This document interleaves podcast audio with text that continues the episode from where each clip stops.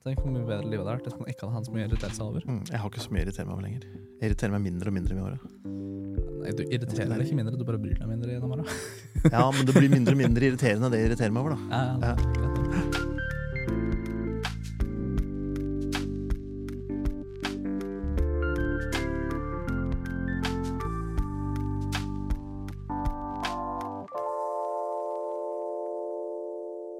da. Må vi ønske velkommen til alle våre seere, alle våre ørevenner. Tusen takk for at dere er her i dag. I dag skal dere få en veldig viktig oppgave, og det er å lytte mens jeg og min kjære eh, kollega Syver Aas Bakke ventilerer. Vi har litt ventilering å gjøre, og vi trenger noen som i hvert fall kan lytte. Dere trenger ikke være enige, dere trenger ikke komme med gode råd, men vi er veldig takknemlige for at dere lytter. Og ser. Vi skal nemlig snakke om ting som irriterer oss. Og Syver, du er min nest mest irriterte kollega. Det er Derfor jeg har invitert deg. Eh, Min mest irriterte kollega han ble irritert bare av å bli spurt, så han kom ikke. så da fikk du æren. Jo, takk. Um, vi har vel hver vår liste her. Uh, ja. Hva er det som irriterer deg i dag? Uh, nei, hvor skal vi begynne? Nei, hvor skal vi begynne? Godt spørsmål. uh, vi kan vel starte litt sånn veldig relatert til det, det vi holder på med. da.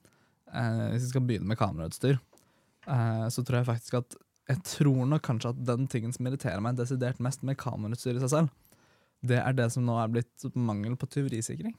Ja. Eh, den syns nemlig jeg er veldig fascinerende. Eh, fordi det er en sånn ting som har blitt, blitt en utvikling i det siste, at det er færre og færre telefoner som blir stjålet. Mm. Og grunnen til det er at fordi telefoner låser jo. Du låser telefonen med kode eller fingeravtrykk eller ansiktsgjenkjenning eller hva det skulle være. Og du kan Eh. stoppe dem remote. Nettopp. Ja. Det vil si at hvis noen andre får tak i telefonen din, så kan de jo bare slå, av- slå av hele greia og Mm. bare nuke hele fra Mm. et eller annet annet sted hvor som helst ellers i verden.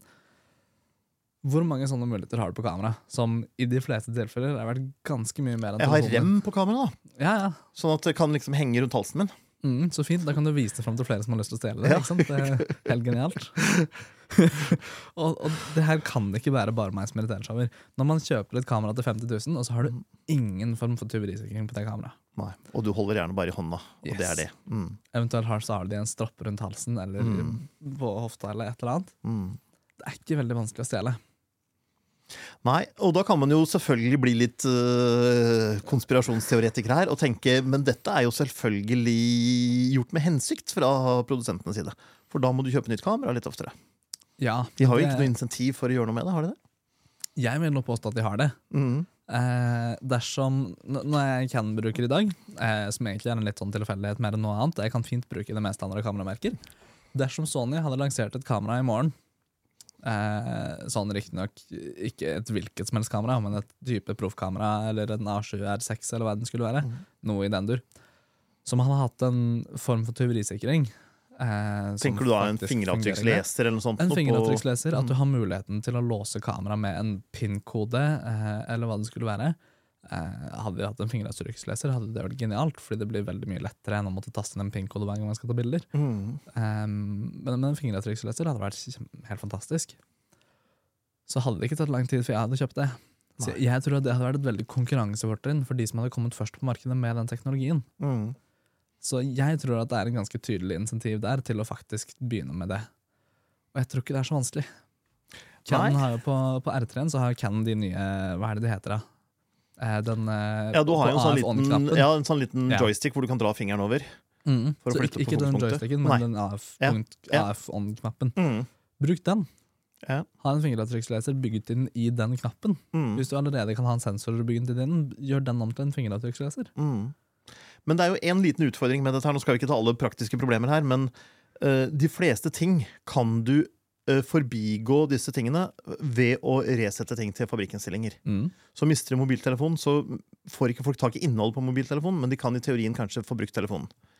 På et kamera så gjør det ikke så veldig mye for tjuven når man resetter alt til fabrikkinnstillinger. Nei, og det er helt enig med deg. Eh, ja, Så det må være noe mer.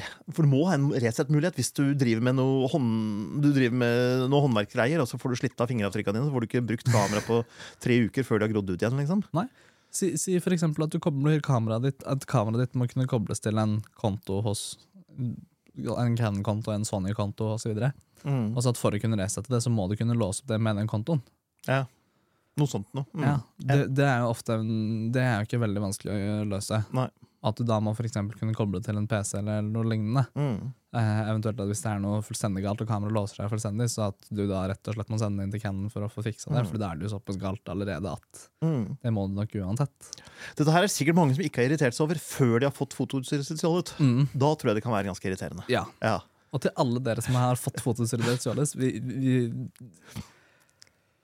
Hvor skal vi begynne? ja. ja. Uh, vi, er, vi er like frustrerte som dere, skulle, jeg skulle i hvert fall virkelig ønske at dette her er noe de kunne begynt å, begynt å ha med. Fordi det, det koster så mye penger for mange mennesker, og det er ikke alltid det er kjempelett å få tilbake til forsikringa. Uh, og det å håndtere forsikringsselskaper er en annen ting vi kan sitte Og forsikringsselskapene har jo heller ikke lyst til at ting blir stjålet. Selvfølgelig ikke. For de vil jo heller beholde pengene dine. Yes. Ja. Tenk om da om alle kunne fått det på kameraene sine, så kanskje det hadde blitt billigere forsikring for oss alle sammen også. Kjekt. Mens vi snakker dritt om fotoutstyr, skal vi ta dette med wifi. Ja, det syns jeg vi skal gjøre. Hvor lenge har vi hatt kamera med wifi? Siden 2012-13? Noe rundt der. Det er Ja. lenge. Det er veldig lenge. Ja. Og det fungerer fortsatt ikke bra. Nei. Ti Det- år! Ti år i teknologibransjen! Hva er det som har skjedd på ti år? Alt har skjedd på ti år! Ja, ja. Men, men hvor lenge har vi ikke hatt wifi i seg selv? Det er lenge jo enda siden. lenger. Ja, ja. Altså, Wifi i er en teknologi som fungerer veldig bra, som har fungert relativt bra siden den kom ut. Mm. Men er ikke ikke kamera. wifi. Nei. Nei. Og det som da også fascinerer, fascinerer meg veldig da, og dette her gjelder spesifikt Sony, og, og, og beklager for å gjøre dette her veldig merkespesifikt, men jeg syns Sony er verre enn alle andre. Og grunnen til det er at Sony har bedre forutsetninger enn alle andre til å kunne klare dette her. Fordi de kan litt sånn teknologiting og sånn. De lager smarttelefoner. ja. Hvis du lager en smarttelefon som har denne funksjonen bygget inn, Mm. hvorfor kan du ikke bare ta akkurat den funksjonaliteten og overføre den til kamera? Mm. Det, det er, Jeg tror ikke de avdelingene snakker sammen. Nei, men hvor, hvorfor ikke? De gjør jo tydeligvis det andre veien. Fordi so telefonen til Mm. Sony henter jo masse informasjon fra og, og hele layouten på, på kameraet på telefonen og autofokus-algoritmen er akkurat samme i telefonen deres som i kameraene deres. Hvorfor ikke kunne bruke wifi og Bluetooth som fungerer på samme måte i telefonene som i kameraene? Og, Og i andre kameraer så hadde de wifi, og så var det forferdelig vanskelig å koble opp. Og så skulle de gjøre det lettere, så de innførte Bluetooth. Så de skulle mm. begynne å snakke med hverandre Og det plutselig var det to nett som da skulle koble sammen. Både Yes. wifi og Bluetooth. Ja. Så det ble bare dobbelt så vanskelig. ja, og så er det noen funksjoner som fungerer med Bluetooth, og så er det noen funksjoner som fungerer med wifi. Mm. Og ikke alle fungerer med begge, men for at noen av de skal fungere, så må du være koblet på begge samtidig. Og Og, og Fujifilm kom med en ny app. Etter klager i årevis kom de med en ny app nå mm. i vår. Og den fungerer stadig vekk. Det er ofte jeg får den til å fungere. ja, Men når den ikke fungerer, så aner jeg ikke hvorfor den da ikke fungerer. nei. For nå skal den være såpass intuitiv. Plutselig bare sier den nei, jeg får ikke kontakt, eller får ikke gjort det, eller prøv å flytte telefonen nærmere, og da er den allerede så langt fra kamera. Ja. Hvor lang rekkevidde skal det være på dette her? Og så neste gang så kanskje det fungerer. Mm. Og Nei, og, og dette her gjelder jo ikke bare wifi i seg selv, dette her gjelder også Bluetooth.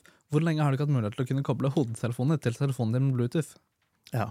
Hvorfor kan ikke jeg, når jeg skal filme, hvorfor må jeg ta en sånn kabel, sånn som vi så vidt vet hva er nå om dagen? Hvorfor må jeg ta en fysisk kabel og koble den fra kameraet mitt, som har Bluetooth, til hodetelefonene mine, som har Bluetooth, Mm. for å kunne høre på lyden? Mm. Hvorfor kan jeg ikke bare koble øreproppene mine, som jeg har i lomma til enhver tid? Mine trådløse ørepropper som jeg nekter å forlate huset uten. Mm. Hvorfor kan jeg ikke koble de til kameraet mitt når kameraet mitt allerede har Bluetooth? Ja, nei, det er, det er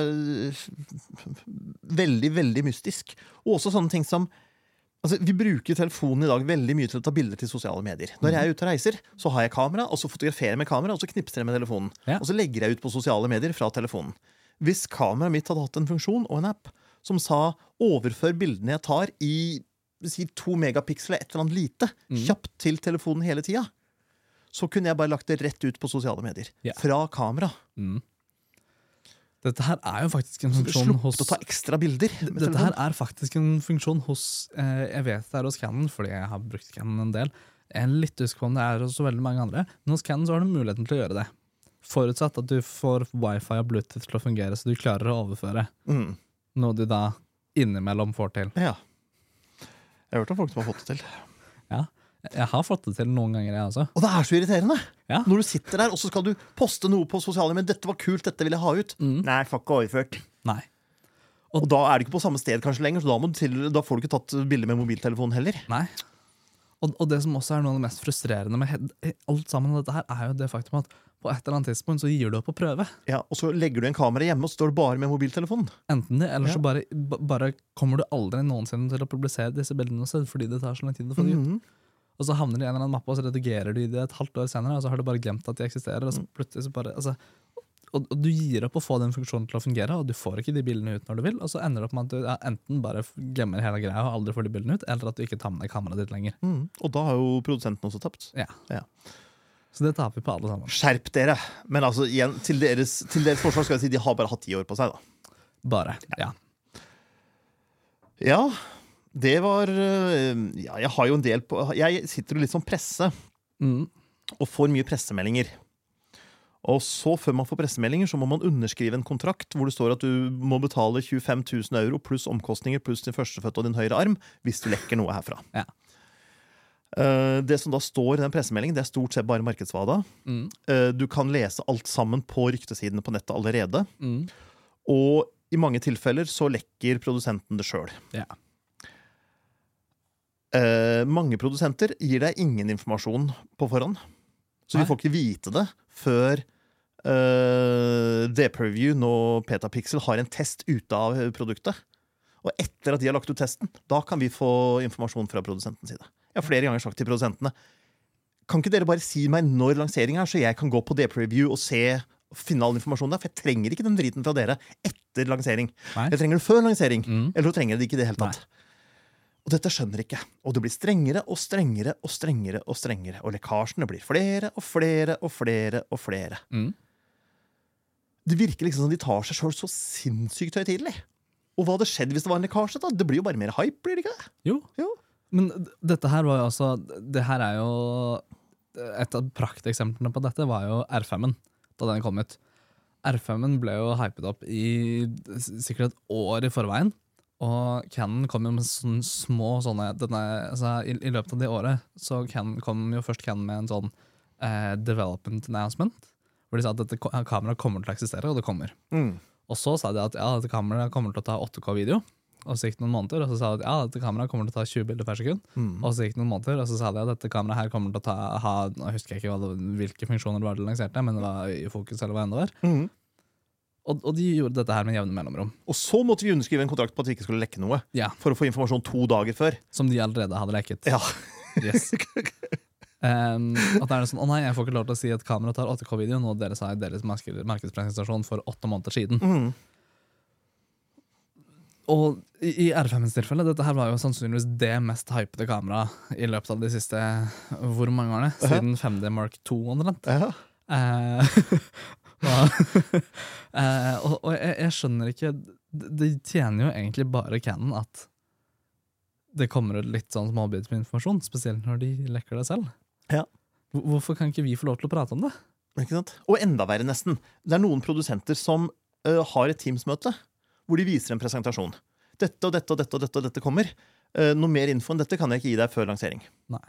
Ok, Da har jeg egentlig fått all informasjonen, men jeg har ikke fått noen bilder jeg kan bruke. Nei. Vi har ikke fått offisiell pris, vi har ikke fått en del sånne ting som, som jeg trenger for å skrive en artikkel, eller vi i foto.no trenger for å legge ut på nettbutikken.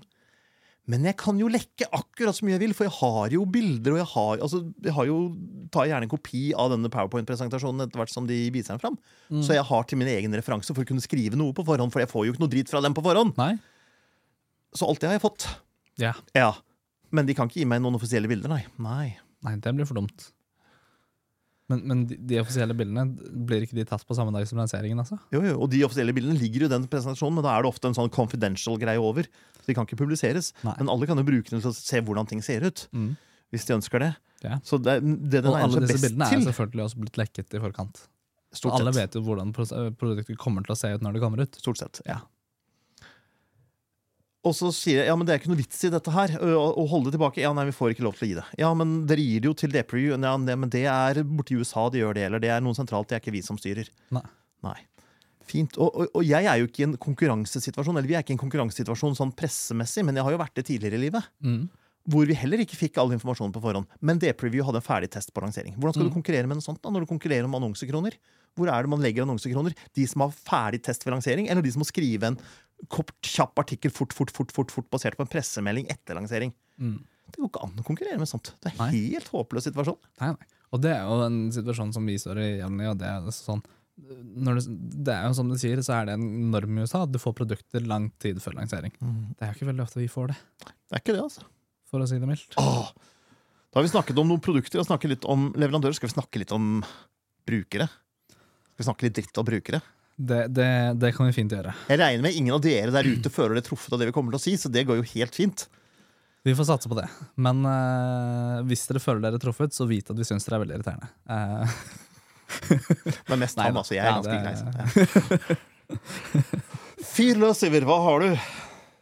nei eh, Noe av de menneskene jeg syns er mest irriterende, det er jo disse menneskene som eh, enten sitter som sånne sofakritikere på Instagram hjemme.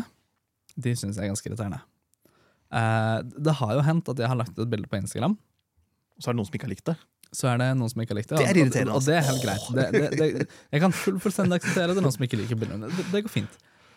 Det jeg da reagerer på, er når det er mennesker som tar seg bryet med å faktisk si at vet du hva, jeg syns dette bildet hadde vært bedre om du hadde gjort slik og slik. Denne biten her passet ikke inn i dette bildet. Hvorfor hadde, gjorde du ikke sånn som dette her istedenfor? Og, og da merker jeg at jeg blir litt sånn Hadde jeg lagt ut dette bildet her på et forum og sagt vet du hva, jeg vil gjerne ha tilbakemelding på bildet, hva kunne jeg gjort bedre? Så hadde det vært helt innafor. Men når jeg legger ut et bilde som jeg ønsker å dele fordi jeg synes dette her er et kjempefint bilde, så kan du enten få lov til å si at ja, jeg syns dette her er et dele fint bilde, eller så kan du få lov til å la være å like det. Du kan scrolle forbi bildet og holde fred. Jeg etterspør ikke kritikk på noen som helst måte. Og det å da begynne å kritisere bildet mitt herfra til evigheten, syns jeg er litt dårlig gjort. Ja, jeg kan være med på den. men Det interessante er jo at vi har jo på foto.no en side som heter Bildekritikken. Mm. Hvor man kan legge ut et bilde nettopp for å få kritikk. Ja. Og hadde jeg Ganske mange blir irritert av å få kritikk der også. Ja, men hadde jeg lagt ut bilde for å få kritikk, så hadde jeg lagt ut der. Ja. Men så har du da også, som du er inne på der, den motsatte personen. Som legger ut bildene sine, og som får kritikk på det etter å ha lagt ut f.eks. på bildekritikken, hvor det er meningen at du skal få kritikk. Og så argumenterer de mot absolutt all kritikken de får. ja, Eller blir bare fornærmet og kaller det Ja. personforfølgelse eller hets eller et eller annet. Yes, Så det er litt vanskelig, det der. det er det. Ja. Eh, men i korte trekk, har du lagt ut et bilde på Instagram, med mindre det er spesifisert at du vil ha kritikk, la være å kritisere bildene til folk. Ønsker du å få kritikk, så vet du hva du ber om, og da skal du søren meg få lov til å ta den kritikken du får, altså. Så nå, nå kan du velge.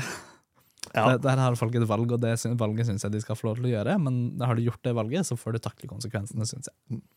Det er en annen form for kritikk som jeg også synes er ganske interessant, som dukker opp ofte. Eh, hvis du har en forumtråd eller en gruppe hvor det diskuteres fotoutstyr, så kommer det alltid inn en eller annen ja, jeg vil si gammel surpomp og sier hva er vitsen med å diskutere dette, kan dere ikke gå ut og ta bilder i stedet? Og da har jeg så lyst til å svare hvorfor gidder du å bry deg med det, hvorfor er du ikke ute og tar bilder i stedet? Til den som svarer sånn. det må da være lov å diskutere utstyr hvis man har lyst til det! Ja. Ja, Man kan ikke være ute og ta bilder hele tida. Og Nei. det beviser jo bare han som poengterer, for han er heller ikke ute og ta bilder. Nei. Hvorfor gidder du å, bruke tid på å være en sånn gammel surpomp og sitte og kommentere på andres folk? Altså, Hvorfor gidder du å være en sånn internettroll istedenfor å være ute og ta bilder? Ja, Det går an å bare bla forbi den tråden hvis du ikke er interessert i den. Altså. Ja, Ja. det er fullt mulig.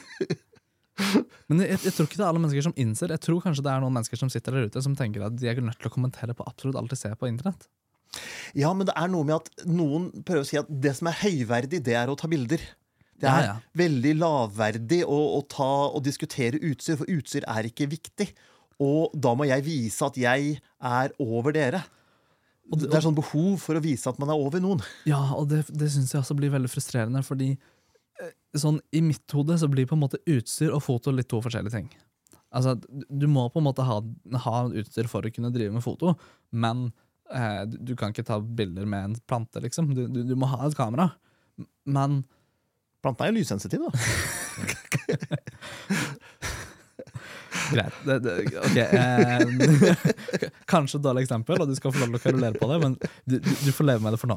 I hvert fall. Eh, Sorry. Ehm, poenget er nå, du, du, må ha et kamera for å dra ut av bilder. Akkurat hvilket kamera du bruker, og kvaliteten på det kameraet og kvaliteten på sensoren, det er ikke noen forutsetning for at du skal kunne klare å ta et bilde som enten betyr noe for deg, har en mening, er et flott bilde. Det, det- det har ikke noe å si på kvaliteten. Eh, altså, altså sånn, kvaliteten er ikke en forutsetning for at et bilde skal kunne bli sett på som bra. Nei. Det ble tatt fantastiske bilder for 100 år siden som er sinnssykt dårlig kvalitet i sammenligna med det vi har nå. Ja. Men det er fortsatt utrolig sterke bilder, Mm. og vanvittig gode bilder. Eh, så i mitt hode så er på en måte utstyr og, og foto litt to forskjellige ting. Og du kan fint være opp, veldig opptatt av å ta bilder og ta gode bilder uten å egentlig være opptatt av utstyret ditt i det hele tatt. Jeg kjenner flere fotografer som så vidt vet hva kameramerket deres er. Mm. Eh, som, jeg, har- jeg har spurt en venninne av meg liksom, ja, hva er det du fotograferer med, og hun var sånn eh, Å, det står Sony her, ja. Eh, og, og, er hele, sånn, og, og hun er ikke noe dårligere fotograf av den grunn. Og så kjenner jeg andre fotografer som er hyperopptatt av utstyr. Som idet det kommer et nytt kamera, kan ramse opp alle spekkene på det kameraet altså sånn, i, i større grad enn noen andre mennesker jeg Mm. kjenner. Som heller ikke er noe dårligere til å bilder eller bedre til å ta bilder av den grunn. Fordi du kan være interessert i utstyret uten at det nødvendigvis på noen som helst måte påvirker evnen din til å ta og skape bilder. Mm. Så forslaget mitt er sånn fra, fra herfra så kan vi begynne, begynne å separere de to tingene og si at den, den ene er ikke nødvendigvis avhengig av den andre på noen som helst måte. Mm. Det er litt mitt sånn ønske til, eh, til eh, fotografi, hva skal jeg si, i sin helhet. La oss skille av de to, fordi de to kan være forskjellige interesser. Mm. Noen De trenger ikke være det. De trenger ikke å være Nei. det, og du kan ha begge to sammen. Mm. Men du kan også ha begge to separat, og du kan Mm. også være opptatt av den ene uten å være opptatt av den andre. Mm. Det er noen som er kjempeopptatt av, av fotoutstyr uten i det hele tatt være opptatt av å ta bilder med det engang. Mm. Det er ikke fullt så mange ganger, men det er faktisk noen av de også. Det er masse utstyrsfetisjister her ute. Det Ja. eh, og mens jeg driver og ranter om, om folk som må late som de er over andre, hva Mm. med folk som insisterer på å bare ta råbilder, og mener at JPEG-bilder er helt ubrukelig? Ja. Og jeg vil til døden forsvare alles rett til å mene at JPEG-bilder er, eh, er ubrukelig. Selv om Ja. jeg ikke nødvendigvis er enig. Men hvorfor skal du gjøre så stort poeng av det? Altså, For det første, JPEG-bilder er veldig fine hvis du skal kjapt vise dem fram. Hvis du skal legge på et eller annet filter for å kunne ja, bare ha en eller annen ting å leke med. Men du tar gjerne råbilder samtidig. I dag så er det ikke noe i veien for å ta både rå og JPEG. Så har du Nei. begge deler, og så kan du justere på ting, og så kan du angre på ting med råfila, og du kan gjøre veldig mye rart. Men det øyeblikket du må gjøre et poeng av at du bare tar råd, så har du et behov for å si 'jeg er mer profesjonell fotograf enn deg', for jeg tar ikke JPEG. Og hvis det er noe som signaliserer at du ikke er profesjonell, så er det behovet for å fortelle at du er det. Ja. det, det er vel ytterst få. Det, det, det er noen sånne sære mennesker sånn også, men ytterst få mennesker som er profesjonelle innenfor hvilket som helst fagfelt, trenger å poengtere at de er profesjonelle. Fordi enten så vet de det eh, selv og jeg lever godt med det, eller så vet alle andre det, og du ser det på dem uansett. De har, de har virkelig ikke noe behov for å poengtere det. Men, men uansett du, du trenger aldri å poengtere noe sånt, fordi jeg, altså, igjen så er det sånn Hvert til sitt bruk. Ja. Er du profesjonell, så skal, altså, Jeg hadde aldri noensinne gått rundt og bedt min, eh, min mormor om å ta råbilder med hennes iPhone. Nei. Selv om iPhonen hennes teknisk sett har mulighet til det. Mm. Altså, min, Faren min som, altså, Jeg hadde aldri bedt ham ta spesifikt en, Du er nødt til å ta råbilder med sitt kompaktkamera. Bare fordi det må du gjøre, og disse må redigeres. Så, eh, hva om han syns det er mye mer behagelig å bare kunne ta de JPEG-bildene? Fordi han kommer aldri noensinne til å sette seg ned og redigere Og hva med som bare skal det rett ut på, på nettet? Ja. Så fort som mulig. De sender jo ikke råbildene, Nei. de sender jo JPEG. Ja. Ja. En, en eller annen tilfeldig kunstfotograf som er avhengig av å ta råbilder, trenger ikke å ha noe som helst peiling på hvordan en sportsfotograf er nødt til å ha sine bilder, fordi altså, det er to helt vidt forskjellige bruk. Og, og hvis du ikke kjenner deg igjen i den arbeidsflyten som forutsetter et eller annet form for fireformat, eller som forutsetter en eller annen ting, så la være å si noe om det. Mhm. For Dersom ikke du vet at dette her fungerer på en helt annen måte, og stort sett så gjør du ikke det, for stort sett så har folk ganske gode grunner til å gjøre som de gjør, jeg litt selv at det tror jeg egentlig ikke stemmer helt, men men, men veldig ofte, da, i, i spesielt i sånne større mediesammenhenger, er du NTB, så er det en grunn til at du tar sportsfotografier i, i JPEG og ikke råformat. Mm. Fordi da har du prøvd å ta råformat, eller du vet at det ikke kommer til å fungere fordi teknologien til å gjøre det eksisterer ikke, eller fordi du er avhengig av den hastigheten. Eller fordi redaksjonen ikke vil ha det. Yes. Ja. Så Og, ja. og hvorfor redaksjonen ikke vil ha det når du står der som fotograf, det, det har ikke så mye å si. Nei. Fordi da må du bare gjøre det, og så, da trenger ikke folk å komme og kommentere på at ja, men du er ikke noen ordentlig fotograf, fordi du tar ikke råbilder. Altså, er det, en eller annen, er det en eller annen kunstfotograf som har tatt tre bilder i sitt liv og prøver å selge, prøver å selge de, og aldri noensinne får gjort det, og egentlig ikke er fotograf, som kommer og kom, kommenterer til en eller annen person som har jobbet for NTB i 40 år og tatt flere bilder i løpet av sitt liv enn denne personen eh, altså, noensinne kunne drømt om å ta? Så, så, så skal du ikke legge deg borti det. det. Er ikke noe behov for å da komme og kommentere at ja, men råfiler er jo bedre. Ikke sant? Og det samme gjelder fullformat. Det er mange som snakker ned alt annet enn fullformat. Ja. Og så blir det så dårlig når det blir APC, og så blir det helt ubrukelig når det blir Micro Four Thirds. Og, mm. og mellomformat vil de ikke snakke om engang, for det har de antagelig ikke hørt om eller prøvd. Um, og igjen, ja, fullformat har sine fordeler, men fullformat har også sine ulemper. Men du virker veldig veldig lite profesjonell når du må poengtere det. Ja. Så slutt å poengtere det! På akkurat samme måte som den forrige. Enten så er det en god grunn til det, eller så er det ikke. Men uansett så har det stort sett ganske lite å gjøre med deg, og du trenger ikke poengtere for andre mennesker hvorfor den ene er bedre enn den andre. Du blir ikke noe mer profesjonell av det. altså. Åh, takk, det var godt å få ut. Tusen takk for at dere hørte på. Hvis det fortsatt er noen igjen der ute, er det noen der ute? Jeg ser ingen, men jeg satser på det er noen. Jeg, jeg har fortsatt et par til som jeg gjerne ønsker å ta. Kjør på, Syver. Eh, og, og dette her nå eh, Disse to henger litt grann sammen. Jeg skal ta, ta, ta det i rekkefølge på hvordan det skjedde. Og Den første det er bilder i 4-5-format. Mm. Eh, og dette her har blitt minimalt bedre nå i det, si- det siste, men fortsatt ganske ille. Og det er da Instagram kom, så fikk du lov til å ta bilder i maksimalt 4-5-format. Eh, andre veien så tror jeg det er litt grann mer i bredden, men det husker jeg ikke helt. Men stående så er det maksimalt 4-5. Eh, for det første så er ikke kamerasensorer 4-5, de er stort sett 3 ganger 2 eller 4 ganger 3. Mhm. Um, og det store problemet der er jo at nå tar jo folk bilder kun i 4-5-format. Eller kun til Instagram. Antallet landskapsbilder jeg har sett på Instagram som er vertikale i 4-5-format, og som hadde gjort seg veldig mye bedre i et annet format, er, det det skjer ganske mange ganger i løpet av en dag. Mm. Og da syns jeg det blir litt frustrerende at vi tilpasser den kunsten som vi prøver å lage, til et helt sånt et, et format som på en måte ikke har noe som helst å si for, for, for noe annet enn hvor mange mennesker som kanskje ser det på Instagram, på en måte. Jeg synes Ja, jeg, jeg, jeg ser poenget. Ja. Men har man ikke alltid gjort det? Har ikke når NRK har laget fantastiske produksjoner, gjort det for TV-format? I gamle dager i 4-3-format på dårlig video. I stedet for å filme det med fantastisk film og skanne det og legge det over på noe som kunne vises på eteren. Jo, og jeg, jeg er for så vidt enig med deg, men, men her er det på en måte her, her er det noen forskjellige poenger. Det ene er at Instagram så har du muligheten til å vise noe annet enn 4-5-format. Du har mulighet til å vise ganske mye mer. Ja. Og du kan også legge ut bilder i 16-9-format, selv om det er litt mm, keitete å gjøre det, så er det fullt mulig. Mm. Eh, men det er også fullt mulig å legge ut vertikale bilder. Men allikevel så vil alle sammen utelukkende legge ut eh, nei, vertikale eh, Det er mulig å legge ut horisontale bilder, men folk vil heller legge ut vertikale bilder fordi da tar det opp større plass på skjermen til en person, så da er det større sannsynlighet for at noen liker det, eller for at noen ser det, eller et eller annet. Og da syns jeg det tar bort mye av hensikten med å Hvis du kun tar bilder fordi det er så mange som mulig som skal like det på Instagram, Mm. det, det er det som provoserer meg litt mer. Ja, Det er jo veldig vanskelig også å ta telefonen og så snu til liggende posisjon også, hvis du skal få bildet til å fylle mer av skjermen. Ja, men i Instagram lar deg ikke gjøre det. Nei. Ikke sant? Men, men jeg, jeg, jeg skjønner bare ikke hvorfor må absolutt alle bilder vi tar være i 4-5-format. Fordi det har også da blitt slik at det er så mange an bilder andre steder som er i 4-5-format, som ikke bare er på Instagram lenger. Ja. Og, og det er jo litt den, den kjipe tingen også, fordi når du blar gjennom galleriet til en fotograf, så er 90% av bildene de tar i 4-5-format vertikal, istedenfor at det er et landskapsbilde som er tatt som, helt, altså, som heller kunne vært tatt i, i landskapsformat. Men er ikke 4 og ganger vært 5 veldig mye format et klassisk mellomformat? øh, format? 4 ganger 5-toms? Klassisk mellomformat? Jo, Ja. men, men det er ikke nødvendigvis mellomformat. Det vil jo si at Du må etterbehandle bildet og tenke på en helt annen måte når du tar det bildet, enn om du bare skal ta et bilde som er det beste bildet du kan ta der og da, uavhengig av alt av formater og hva du kan bruke det til. og hva som helst. Mm.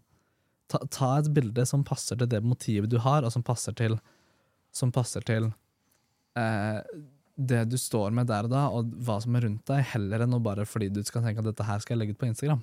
Mm. Helt enig. Og så har vi som en forlengelse av det, Ja. så har vi vertikal video. Oh yeah. Min favoritt, Ja. favorittirritasjonsmoment. Nå, nå, nå vil jeg høre hva dine tanker er dette her, for nå, nå er jeg spent. Nei, altså, Førstepoenget mitt er at øynene mine fortsatt er ved siden av hverandre. De er ikke over under hverandre. Ja, Og jeg klarer faktisk, i motsetning til de fleste, å ta telefonen som da jeg holder sånn på høykant, og så snu den 90 grader. Mm. Sånn at den blir på langsida. Og Mm. da kan jeg se faktisk video som er den veien. Ja. Og du kan, da kan du få med bakgrunnen, og du kan få med litt av hvert. Det kan bli veldig mye gøy video av å faktisk ha videoen liggende i stedet for stående. Mm. Så, så det er liksom min greie. Men øh, jeg skjønner at jeg er i mindretall og gammel og boomer og whatnot. Altså. Men kjør i vei. Det er godt å høre at du også irriterer deg. ja. Jeg, jeg tror ikke mitt irritasjonsmoment er helt samme sted, fordi eh, ja, du, du, altså først, ja, du er litt gammel, du begynner, begynner å bli litt gammel nå, Erik. Og, og, og, Det er jævlig irriterende at du sier! og vertikal video er ikke så ille som du skal ha det til, tror jeg. Det tror Fordi jeg det er. jeg- Jeg enda tror- verre enn jeg skal ha det til. jeg. Fordi jeg føler at vertikal video er på en måte laget til et spesifikt format, fordi eh, telefon er laget for vertikalt innhold. Mm. Okay. Du, du bruker ikke telefonen din den veien 90 Snakk av tida. Nei, 90, nei, ja. Nei, nei, men okay. når jeg skal se en, en Jo, jo. horisontal video, så Men- holder jeg den sånn. Jo, men, men til vanlig når du tar opp mobilen din og gjør Ja. ting med mobilen din, hvilken vei er det du holder den? Nei, Hvilken vei er det du bruker mest tid på å holde mobilen din? sånn. Ja, Da holder den vi den vertikalt. Ja. Så det å lage innhold spesifikt til vertikalt format til telefonen, mm. det syns jeg egentlig er helt innafor, og det syns jeg er en ganske grei ting. Jeg syns det er helt innafor, jeg syns det er akseptabelt. Jeg vil til døden forsvare din rett til å mene det. Ja, Ja. det er bra. eh, men problemet mitt oppstår da når istedenfor at vi da lager innhold til forskjellige formater, noe til vertikal, noe til horisontalt, som kan vise på forskjellige plattformer, så skal alle nå til enhver tid kun ha vertikalt innhold. Det er ikke slik at YouTube forsvant i det sekundet TikTok kom. Nei. Og sitter og ser YouTube på TV-en hjemme, for eksempel, så er jo vertikalt innhold utrolig irriterende. Ja. Ja. Sitter du og ser på TV hjemme generelt? Det, det er ingen som, altså, jeg, jeg tror ikke det er noen god idé å begynne å lage serier, TV-serier, i vertikalt format. Eh, det kan være en veldig god idé å begynne å inkludere det i TV-serier. Altså, sånn som for eksempel, altså, Skam var jo en egen ting, og det var jo et helt genialt konsept i seg selv. Og Hadde det blitt laget i dag, så kan jeg love deg at det hadde blitt inkludert en haug med vertikalt innhold i de, i de episodene, og spesielt i det innholdet som da kom. Eh, som ikke bare lå på eh, som, ikke, som var det som ble lagt ut på nett, ikke det som bare ble vist i, i serien. Men, men at alle må ha vertikal video til alt, og at alt må filmes i vertikal video til enhver tid, heller enn skal filmes horisontalt, det syns jeg begynner å bli litt mye. Jeg syns det begynner å bli litt mye vertikalt. Fordi ja, det er greit til å kunne vises på en telefon som står den veien på TikTok, men ikke til noe som helst annet. Nei, nemlig. Og Nemlig. jeg, og jeg er veldig imot det at alle mener at vertikalformat er den nye framtiden. Og i form av sånn, Vi skal ikke begynne å lage spillefilmer som er vertikale. Bare det å bygge om alle kinoene i hele verden til å være i vertikalformat hadde kosta oss en formue. Ja, og så blir jeg så Jeg får så kink i nakken når jeg sitter sånn og ser på det. Ja. Så, så vertikalformat, helt greit i sitt format. Men til absolutt alt annet så mener jeg kommer jeg til å mene herfra til evigheten, og det er jeg helt enig med deg i, at horisontalt format er det beste formatet. Mm, nemlig. Med mindre du skal vise spesifikt på TikTok. Ok, da. Ja. Kan jeg få klage litt på produsenter og leverandører og sånn igjen? ja. Eller egentlig er det Skal jeg klage på markedsavdelinger? Ok. Ja, Og det gjelder jo ikke bare i denne bransjen. Men Nei. da jeg begynte Jeg har vært i denne bransjen i snart 19 år. Mm. Jeg har vært journalist mye av tida. Ja. Eh, Vi får noe som kalles pressemeldinger. Mm. Som da egentlig i utgangspunktet skal være en melding til pressen. Derav navnet. Ja. Og så er de skrevet som en sånn markedsfjas, sånn svada-greie beregnet på sluttbrukere. Ja. Mye mer egnet til å tåkelegge enn til å informere. I utgangspunktet var det en pressemelding for at vi skulle få informasjon, sånn at vi kunne skrive en artikkel fra det. Mm. Nå er det skrevet i håp om at vi skal legge den ut direkte, sånn at de får reklame på redaksjonell plass. Yeah. Men det gjør vi jo ikke. Så da må vi prøve Nei, å hente ut noe informasjon ut ifra noe som ikke er ment for å gi informasjon, men bare ment å tåkelegge, og bare er full av sånne, sånne fraser som ikke gir noe mening. Ja. Um, men som bare skal trigge en eller annen sånn 'Å, det høres fantastisk ut'. Men når det går gjennom vårt filter, så forsvinner alt det der. Mm. Det var en periode for noen år siden da uh, Da de lokale kontorene gjerne oversatte disse tingene sjøl. Så, så sa jeg til noen at hvis dere fortsetter å oversette på den måten, så kommer jeg til å sitere dere. Da kommer jeg til å legge ut deler av det som står der, i artikkelen jeg skriver, bare for å vise hvor fjernt det er. Mm. Og de skjønte ikke problemet med det helt til jeg begynte å gjøre det. Og tok ut visse setninger. Og, og sa Og produsenten skriver dette i pressemeldingen. Og det ga overhodet ikke noe mening i det hele tatt. Når du så det isolert sett, så så du hvor utrolig tåpelig det var. Og da begynte de å be oss om å slutte å gjøre det. Og så sier jeg, ja, men det kan vi godt slutte med, men da må dere bare slutte å skrive sånn. Hvis dere ikke kan stå inne for det, så kan dere ikke skrive det. Nei. Ja, men, men, men, men Slutt med det, sier jeg. Og noen gjorde faktisk det. Men nå er alt bare sånn. Det er Mm. bare fjas. Ja. Altså, Pressemeldinger er totalt meningsløse. De er det kun for å tåkelegge. Ja. Men, men dette her gjelder jo generelt, og dette her er jo materiale som inkluderes i pressemeldinger og alle nye presentasjoner og alle mulige kameraer. Og, det, og, og der er det mange ting å reagere, reagere på, og det er for eksempel også bare sånn eh, Tall som er tatt litt ut av kontekst, eller bare tatt litt ut av sånn ingenting. Eh, og det er sånn for eksempel hvor mange stopp du har på et eller annet. Altså sånn eh, Bildestabilisering, hvor mye stopp du har på det, det er jo sånn Det er et tall som er tatt sånn fra et eller annet. Det er noen sympatester på det, men det blir det jo veldig tester, store individuelle forskjeller. Ja, ja, ja. Både Dette på her er jo- brennvidder og motiver og brukere og alt mulig. Mm. Og eh, det, det her gjelder jo veldig mange tall. Som, altså sånn, dette her, altså, og dette her tror jeg gjelder litt sånn spesielle kameraprodusenter, men akkurat på prosessorer i kamerahus så syns jeg det begynner å bli litt tøkt. -hmm. For for eksempel når, sier, når eh, Canon sier at vi har en prosessor som er fire ganger så rask som den forrige prosessoren vår, mm. hva vil det si?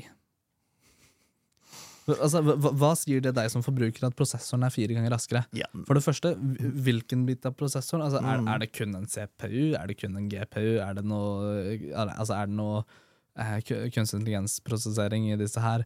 Er, er det noe, altså, hva er det disse prosessorene egentlig er bygget opp av? Mm. Det har vi jo aldri fått vite i seg selv.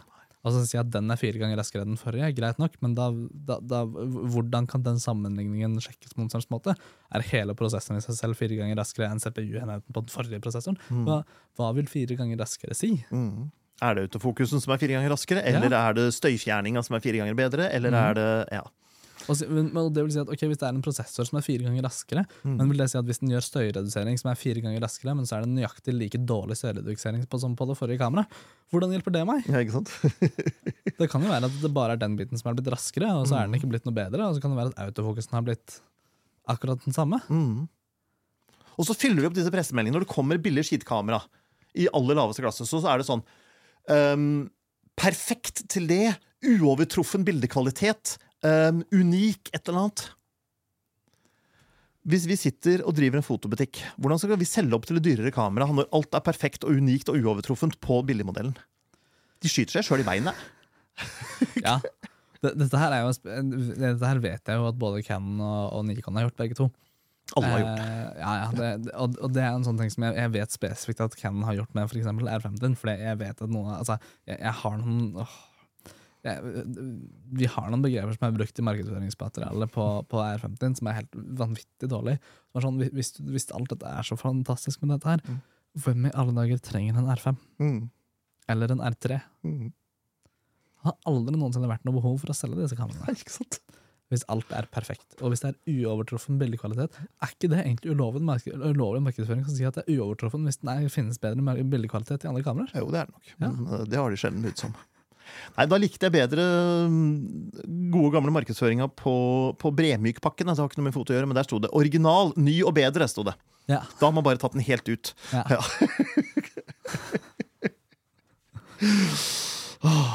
Det var deilig å få av skuldrene. Ja, du har mer på lista, du har du ikke det, Syver? Jo, jeg har eh, jeg, jeg har eh, jeg, jeg har noen få. Ehm, for det første, jeg har, jeg har et uh, sitat uh, som, jeg, som jeg har hentet, uh, og dette her er en ting som jeg vet det er veldig, veldig mange fotografer spesielt der ute som har hørt. Og, så dette her er for alle dere, og det er Ja, men jeg kan jo ta sånne bilder med telefonen min. Mm. Eller spesialversjonen. Ha, har kameraet ditt bare 24 megapiksler? Telefonen min har 60. Ja. Så telefonen min er bedre enn kameraet ditt. Mm. og, og dette her er en ting som jeg vil at alle mennesker som ikke er fotografer der ute, skal forstå. Eh, og det er at hvor gode bilder du tar, har ingenting med kameraet ditt å gjøre. Så, sånn, altså, hvis du ser et bilde på Instagram, så kommer du aldri noensinne til å kunne si om det bildet har blitt tatt med en telefon eller med et kamera. Kan jeg få komme med Irving Penn-lignelsen min? Med Irving Penn-lignelsen. Greit? Irving Penn, Kjent, stor, fantastisk, berømt amerikansk fotograf. Ja. Hadde utstillingsåpning i New York mange mange, mange herrens år siden. Og etter sigende så kom eh, Ernest Hemingway på åpninga. Ernest Hemingway går rundt eh, og ser på utstillingen og er mektig imponert over det han ser. Og så går han bort til Irving Penn og sier du Irving, det er fantastiske bilder du tar. Hva slags kamera er det du har? Eller hva slags kamera er det du bruker? Og så ser Irving Penn litt oppgitt på Hemingway og så sier han, du Ernest, det er utrolig gode bøker du skriver. Hva slags eh, skrivemaskin er det du bruker? Ja. Og, og det, er en, det er en veldig god sammenligning, fordi de bildene som fotografer der, har ekstremt lite å gjøre med kamerautstyret. Det har å gjøre med erfaringen, hvor flink du er som fotograf. Altså Øyet ditt til å se hvordan du klarer å bruke lyset, etterarbeidet, hvor flink du er til å redigere bilder. Alt dette her vil spille inn i det endelige bildet. Og bare det å si at ja, telefonen min har flere megapiksler enn kameraet ditt, så telefonen min er bedre, og jeg kan da minst like fine bilder. Eventuelt den andre varianten som er Men, ja, men hvis jeg hadde hatt like dyrt kamera som deg, så kunne jeg også tatt sånne bilder. Nei, det kunne du ikke. Det er bare tøys. Fordi det har med fotografen å gjøre. Det har ingenting å gjøre med kamerautstyret. Egentlig så er det jo litt motsatt. At en som ikke er så veldig god fotograf, må jo kompensere med sylskarpe bilder som kan tas i nøyaktig samme riktige øyeblikket, som times av kamera, for det tar 60 bilder i sekundet, i stedet for av deg sjøl, osv. Og så, videre. så du må jo overlate til kamera og, og litt flaks og, og, og få det til. Ja, og, det, det vil jo være tilfelle i noen bilder, i noen tilfeller, for eksempel med altså sånn sportsfotografering, fuglefotografering, men, men eksempel med et landskapsbilde. Mm. Det er det, altså, og, og bare komposisjon er jo en ting som du egentlig ikke kan kompensere for bare ved å ha dyrere kamerautstyr. Eller tålmodigheten du trenger for å vente på det lyset. Ja, eller Ja. tålmodigheten du trenger å vente på at den fuglen skal gjøre nøyaktig den tingen, eller idet den fuglen er på vei ned for å hente opp en fisk fra vannet, og idet den fuglen akkurat treffer vannflaten. Mm. Tålmodigheten til å sitte i tolv timer i strekk ute i skauen og være pisskald mens du venter på dette. Du, du kan ikke erstatte det bare for ja, men jeg har jo 208 megapiksler på telefonen. Det, det er ikke sånn det Det er ikke funker. sånn det funker. Nei, huff. Eh, ja, jeg Ja. har jo en kjepphest, da. Uh, vi har jo Eller jeg, jeg var ikke klar over det, men det virker som vi har en gratisbuss som vi setter opp. Som kun er for vanskelige kunder. Og den kommer Ah. fem minutter før stengetid. Ja.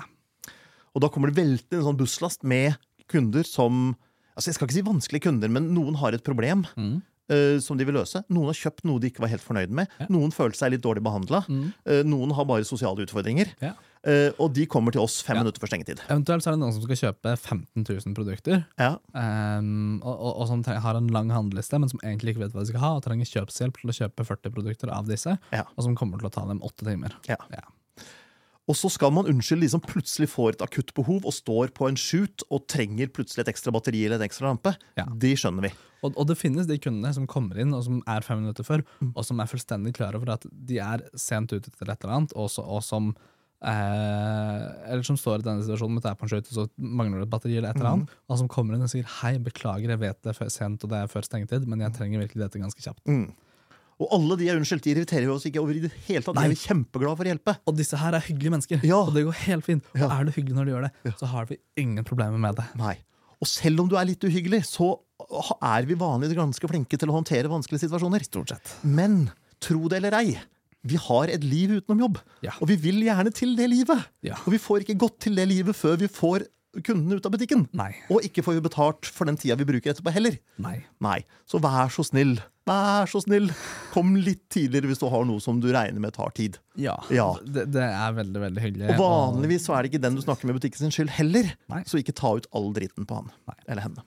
Stort sett så er det også slik at eh, Altså Kommer du fem minutter før stengetid, så er det stort sett veldig mange andre mennesker som også har kommet før stengetid. Sånn rett før stengetid. Forhåpentligvis kommer alle før stengetid. Ja, ja, men, det, men rett før stengetid. Og det er litt av problemet. Fordi er det én person som kommer fem minutter før stengetid, så, blir så, så stort sett så klarer vi å håndtere det. Problemet er at det er aldri bare den ene personen. Det er aldri bare deg som gjør det. Det er alltid flere mennesker. Mhm. Vi får alltid et busslass inn fem minutter før stengetid. Og, og det, er da, det er da store deler av problemene oppstår. Når det ikke bare er den ene personen. Når det er de 50, mm. eller ti 10 stykkene, da, som Ja, faktisk Det trenger ikke ha så mange engang, bare de er vanskelig nok. Ja. Ja. Da, da, da går det ikke lenger. Nei. Så vi vil gjerne hjelpe, vi vil gjerne løse problemet ditt. Og er du blitt urettferdig behandla, så vil vi gjerne A. fikse det for deg så du blir fornøyd, og B. Mm. vi syns det er akkurat like flaut som deg, for det er vanligvis ikke vi som har gjort det. Og har vi jo gjort det sjøl, så er vi i hvert fall flaue Da over har vi enda mer, flau, da har vi enda mer lyst til å redde opp i det. Mm. Ja. Men vi har ikke lyst til å gjøre det på fritida vår! Nei. Og så, så har vi noen kunder. Dette her har jeg, det her- har jeg et konkret eksempel på. Og nå, og, og nå skal jeg selvfølgelig ikke nevne navn, eller noe som helst sånn, men jeg har hatt en kunde en gang, og nå skal jeg ikke si så mye, mye om det, men jeg har hatt en kunde som har kommet inn og som har ønsket å klage på et produkt inne i butikken, eh, som jeg solgte til denne personen. Eh, han kom inn i butikken ca. en time før stengetid, så han var egentlig i ganske god tid. Så vandret han rundt i butikken, tok seg et par kopper kaffe, han ble spurt om han trengte hjelp. Han sa at nei, du, det trenger jeg egentlig ikke. Og så da det var igjen omtrent ti minutter til det var stenging, så gikk han bort til meg og så sa han, du, dette produktet som jeg kjøpte av deg for uh, tre uker siden, det funker ikke.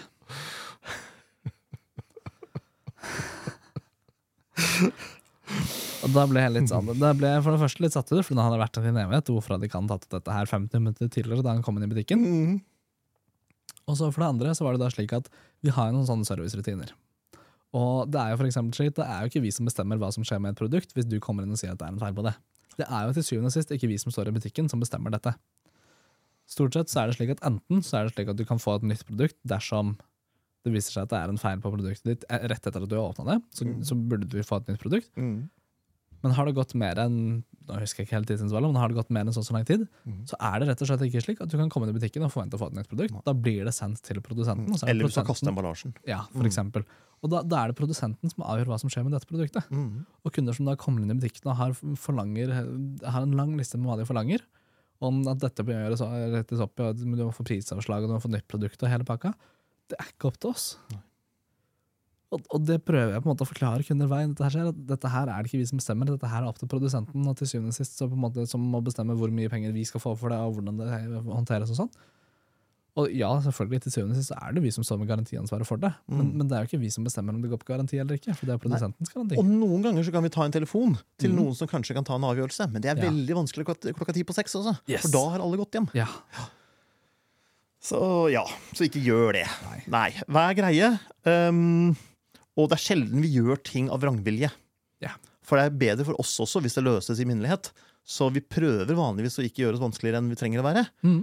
Um, men det er ikke alltid vi blir enige, og det er forståelig. Men vi løser det bedre hvis vi samarbeider. Ja. Ja, vi gjør egentlig det, altså. Mm. Har du Yes. noe mer på lista di som vi Jeg ikke har, har, gått gjennom? eh, jeg har faktisk eh, Skal se, jeg har eh, to ting tilgjengelig. Ja, kjør på. Det ene, dette her er den no filter-trenden, som startet for veldig veldig mange år siden, og som fortsatt er en liten greie. Men det er det, det, stoltheten i å ha tatt et bilde som er kjempefint uten å ha redigert det. Og på den ene siden så syns jeg selvfølgelig at det er en kjempebra ting. Jeg er veldig veldig glad at folk er stolte over bildene de tar. Det syns jeg i utgangspunktet er helt fantastisk. Og jeg liker at folk tar bilder som de liker. eh, og klarer du å få til det uten å redigere, kjempefint. Jeg har ingen problemer med det. Men det da å si at et bilde som er blitt fantastisk uten at du har redigert det, er bedre enn et bilde som man har brukt kjempelang tid på å redigere, det syns jeg er feil. Og med redigering så snakker vi lys og skygger og farger og sånne ting. Vi snakker ikke retusjering. Det, det kan være hva som helst. Ja. Eh, og det, det for det første altså Det er flere grunner til at jeg syns det. For det første, det er rett og slett bare ved å si at det er umulig å ta et uredigert bilde. Mm. Jeg hadde akkurat tenkt å si det. Jeg kan bare sette på et filter i kameraet mitt. jeg. Ja, Og vips, så har jeg ikke redigert etterpå. Nei, jeg har ikke det. Nei. Det ble redigert først. Ja. Og så er det slik at Hvis du tar nøyaktig det samme bildet med nøyaktig de samme innstillingene på et Sony-kamera og på et Canon-kamera som står på nøyaktig samme sted på nøyaktig samme tid, så Mm. vil de to bildene se forskjellige ut. Mm. Og tar du det samme bildet med telefonen din, Mm. så vil det også se forskjellig Det ut. vil i hvert fall se forskjellig ut. Ja. Ja. Og, og det å si at du har tatt dette bildet her uten å redigere Nei, du har kanskje ikke redigert det, men kameraprodusenten har jo lagt, lagt inn noen forhåndsbestemte fargeprofiler osv. Så, så det fungerer på en måte ikke slik at et bilde er uredigert noensinne. Nei. Og det at en, en kamera, eller en, øh, kamera, en øh, fotograf da har sittet og dratt inn noen slidere for å finne ut at vet du hva, jeg vil at dette bildet her skal være litt grann mørkere her og litt grann lysere der, Mm. og så det litt grann mer farger der og litt grann mindre farger der, Mm. det syns jeg er tullete å si at da blir plutselig det bildet mindre verdt fordi det er redigert. Mm. Jeg er for så vidt enig i det, men når det gjelder looken, så er det jo altså, Det har jo alltid vært en, et ideal å få det riktigst mulig i eksponeringsøyeblikket. Og hvis Ja. du velger Canon-kamera fordi du liker fargene bedre, Mm. og du liker velger en viss uh, størrelse på bildebrikken for å lettere kunne få den dybdeskarpheten du vil, Mm. osv., så, videre, og så, videre, så er jo det egentlig ikke redigering. Det er jo å få det riktigst mulig i eksponeringsøyeblikket. Men, Men bildet er- blir ikke er noe mindre verdt av at du drar i noen slider etterpå. Det men, gjør det ikke. Men er det da riktigst mulig eksponeringsøyeblikk dersom fargene ser annerledes ut et, fra et kamera til et annet? Hvis du har valgt det kameraet pga. at du liker fargene, så Ja, Da er det fordi riktig. du liker det, og da er det et artistisk valg. Det er Ja. ikke det noe mer riktig eller noe mer feil enn noe annet. Nei. Og, og det er det som Og det er bruker du kamera sånn- B i stedet for A, og så drar i noen slider etterpå for å få akkurat samme fargene som fra kamera Mm. A, for du ikke har råd til å bytte system, så blir Ja. ikke bildet noe mindre verdt. Nei, det gjør Nei. ikke det. Er det- altså, det, denne da trenden med at bildet er mer verdt, eller liksom no filter, eller så lenge du har tatt et bilde som du syns er fint, og som du kan være stolt over, så, har jeg, så, så driter jeg langt i hvordan du har kommet fram til dette bildet. Eh, det viktigste er at du har tatt et bilde som du kan, som, som du kan sette pris på selv, uavhengig av hvordan du har kommet til ditt. Mm. Og dersom du ønsker å redigere det bildet for at du skal kunne få det enten til å bli mer sånn som du oppfatter det øyeblikket, gjennom dine øyne, for at det skal, eller for at det skal påvirke andre mer, eller hvordan enn det er du ønsker å gjøre med det bildet. Uansett hva du gjør med det, så gjør ikke det at bildet blir mindre verdt. Så lenge det er fordi du setter pris på bildet, og du ønsker å gjøre noe med det bildet. Ja, men Du kan jo dra det så langt at du ikke lenger har tatt bildet, men du har lagd bildet. Ja, du kan jo det Og nå. er det altså Jeg har det- veldig lyst til å ha bilde av to sjiraffer som parer seg i veldig fint lys i en solnedgang. Og jeg har veldig fint bilde av veldig fint lys i solnedgang. Mm. Det eneste jeg trenger, er et par sjiraffer som parer seg, som jeg kan lime inn der. Mm. Jeg vet ikke om det blir så veldig bra bilde. Altså, Og eh, her her er vi inne på en veldig ny ting som jeg syns er veldig vanskelig å ta stilling til selv. Fordi dersom du har gjennom å bruke lang tid på å få hva er det det heter, det, Dali til å generere det perfekte bildet for deg, mhm. og kjørt, brukt masse tid på det, brukt akkurat riktig prompt for, for å få den til å få akkurat det de vil ha, så betyr ikke det at det bildet nødvendigvis er noe mindre verdt for deg spesifikt, for deg til å henge på veggen, enn et bilde du hadde tatt, hadde vært. Jeg mistenker at det å ta et bilde selv eh, på den måten, og i akkurat de riktige forholdene, og vente på det lyset, kommer til å være mer verdt for alle personer som gjør det selv. Men hvis du først skal kjøpe et bilde, så vet jeg ikke om det har så mye merverdi at det bildet er tatt av en fotograf, eller om det er tatt, eller laget av Nei, det, det, det kan godt være. Du må skille mellom et fotografi og et bilde. Og, og det syns jeg er viktig. Mm, for du får ikke eh, en KI til å lage et fotografi, men du får den til å lage et bilde. Men hva er forskjellen? Et fotografi har vært gjennom et objektiv og blitt registrert av noe lysfølsomt. Mm. Men, men kan, kan du se forskjellen i sluttproduktet? Og hva er da forskjellen? Ja, Det kan du jo si, men det kan man gjøre mye som man ikke kan se forskjell på, men som det er en forskjell på, og dermed bør ha to forskjellige navn. Hvis det, en, hvis det er en fotokonkurranse, og du skal ha vise fotografier, Mm. så mener jeg det er litt viktig at det faktisk er tatt som et fotografi. Mm. Uh, og skal det være en bildekonkurranse, så kan du selvfølgelig være kreativ med en prompt og en, eh, og en kunstig intelligens. Mm. Har, har du noen eksempler på andre tilfeller hvor det er viktig? Sånn Ikke spesifikt med fotografier, men at det er I biologien ser du kan ha to helt forskjellige arter som ser veldig like ut, for de lever i samme miljø øh, og spiser omtrent den samme maten og beveger seg på omtrent samme måte, mm. men som har utviklet seg totalt forskjellig.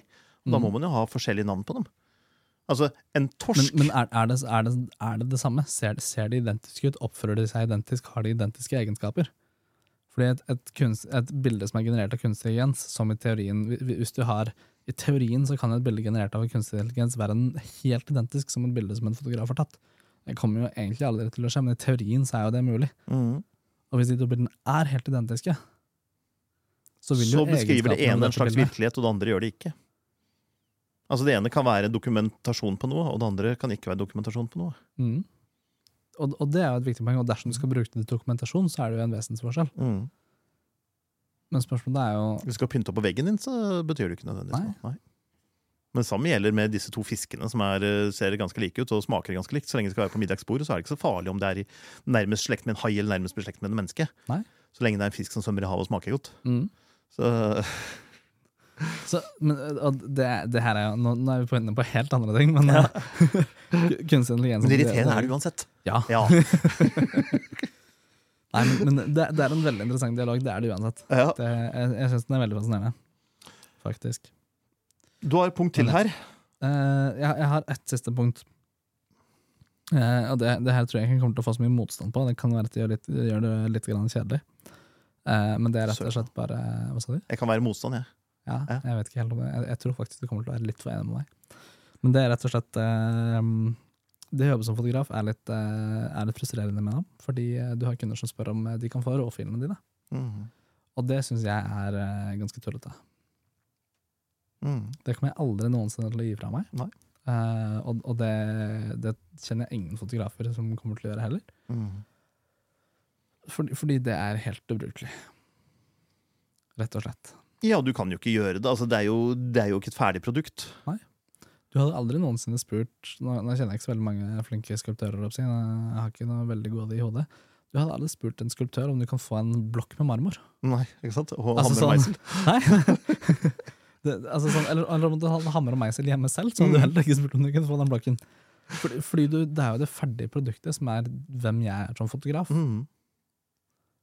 Altså sånn altså, Min identitet som fotograf ligger jo i måten jeg tar og redigerer bilder på samlet. Mm. Og når jeg tar råfiler, så leverer ikke jeg fra meg råfiler. Jeg, tar, jeg, jeg redigerer de, tross alt, for hvis ikke så ser det ganske skitt ut. Eh, Enkelt og greit. Mm. Um, og da syns jeg det er Jeg synes faktisk det er litt dårlig gjort å spørre om du kan få et sånt produkt som er uferdig, og som jeg ikke ønsker å gi fra meg. Mm. Og man har jo de kundene som da blir ganske sure for at de får, eh, ikke får de bildene. Eh, og som aller helst vil ha de 4000 bildene jeg tok det bryllupet, heller enn de 200. Mm. Um, og da er svaret mitt stort sett at nei, det, det får du ikke. Eh, stort sett har jeg aldri eh, gitt fra meg de Nei, og så klager de på at du skal ha betalt. For du har jo tatt 4000 bilder på et 125 dels sekund hver. Mm. Og det blir jo da ca. Sånn et lite minutts arbeidstid. Hvorfor skal du ha tusenvis av kroner når du bare jobbet litt over et minutt?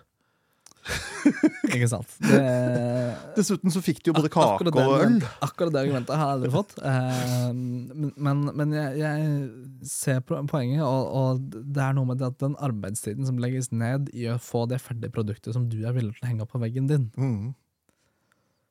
det, det er eh, Det er ganske mye, og det er ikke noe med at du du betaler ikke bare for den den tiden man er i det bryllupet. Altså, det er jo en grunn til at eh, du er villig til å betale mer for en fotograf som har jobbet som fotograf i 15 år enn i 15 måneder ofte. Mm. Eh, eller at det er, du er villig til å betale mer for en fotograf hvor du faktisk liker bildene, enn en Mm. fotograf hvor du syns bildene her er helt skitt. Eller en fotograf som prøver å gjøre noe kreativt og annerledes enn bare ta de samme bildene som han har gjort det 200 ganger før. Ja. Og så er det noen som ønsker å betale en fotograf for å ta de bildene som man har sett mange ganger før, fordi det er de bildene de liker og som de vil ha. Mm. Men da går du til den fotografen som gjør det, og så lar du dem gjøre den jobben for å få det resultatet som du til syvende og sist ønsker. Mm. Og som de til syvende og sist legger ned eh, ekstremt mye innsats, og som de legger ned hele sjelen sin i, Mm. for å få det produktet som du til syvende og sist ønsker. Mm. Fordi det er hele deres visuelle identitet de legger, som de legger ned i de bildene som de leverer til deg. Og på video er det kanskje enda verre, med etterarbeid og alt mulig rundt det. Ja. Men det, det er ikke lett å få folk til å forstå det. Nei. Hvorfor skal det koste mange tusen kroner å få tatt noen bilder? liksom? Ja, Noen skal leve av det. Og har du et studio, skal du betale husleie og rengjøring og øh, regnskap. og det er altså... Ja, det er jo mye rundt det. Ja. Det er jo ikke de 125 del sekundene du tar bildet. Nei. Det er de 15 årene med erfaring, eller eh, x antall årene med erfaring. Det er de hundrevis av oppdragene du har gjort tidligere. Det er all den tiden du har brukt på å bygge opp den visuelle identiteten, på å bygge opp den erfaringen med hvordan du skal ta bilder, hvordan du skal redigere, for å få den stilen du selv ønsker, og som du da som kunde har sett, og derfor valgt at sånne bilder vil jeg ha, fordi den stilen ikke er. Så det å tro at du da bare kan få råfilene, og så kan du gjøre det samme selv, det er ikke sånn det funker. Og det å da, hvis du skal ha de råfilene altså, Det fungerer ikke på den måten, for da er det enten dårlige bilder, eller så er det bare fordi det er bilder som ikke blir sånn man ønsker å ha det, ja, da, da er det ikke innafor å si at de her vil jeg ha. Det er ikke det. Jeg hørte om en som hadde problemer med traktoren sin. Mm. Så ringer han etter en mekaniker. Og så kommer mekanikeren, og så slår han på et spesielt sted. Og så drar han igjen, og så sender han regning på 10 000 kroner.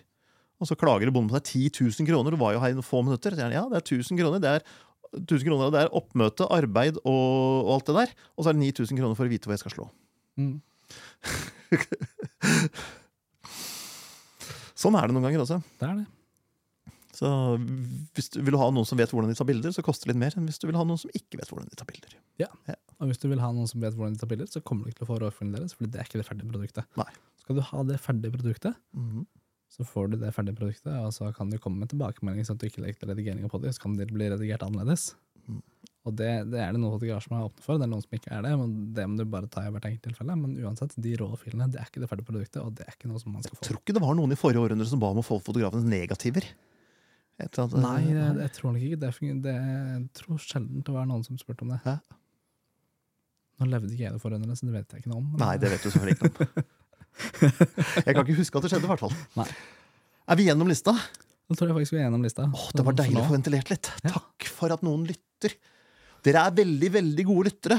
Som ikke avbryter eller noen ting. Bare sitter der og tar imot all dritten vi har å komme med. Mm. Det er veldig god terapi for Syver og meg. Ja. Tusen takk for at du kom, Syver. Yes, Og så til syvende og sist, Ja. hvis det er noen der ute som sitter på noen andre irritasjonsmomenter, gjerne si ifra. Ja. Jeg vil gjerne høre fra dere. Kanskje vi kan prate om det på en uh, podcast i fremtiden. Det, kan vi. det ligger jo på Eh. YouTube, uh, dette her, så du kan jo, der kan du jo diskutere under. Ja, Men vær saklig, for det som irriterer oss aller mest, det er folk som ikke kan diskutere saklig. riktig. Husk det. Takk for at dere kom. Vi ses igjen om en uke.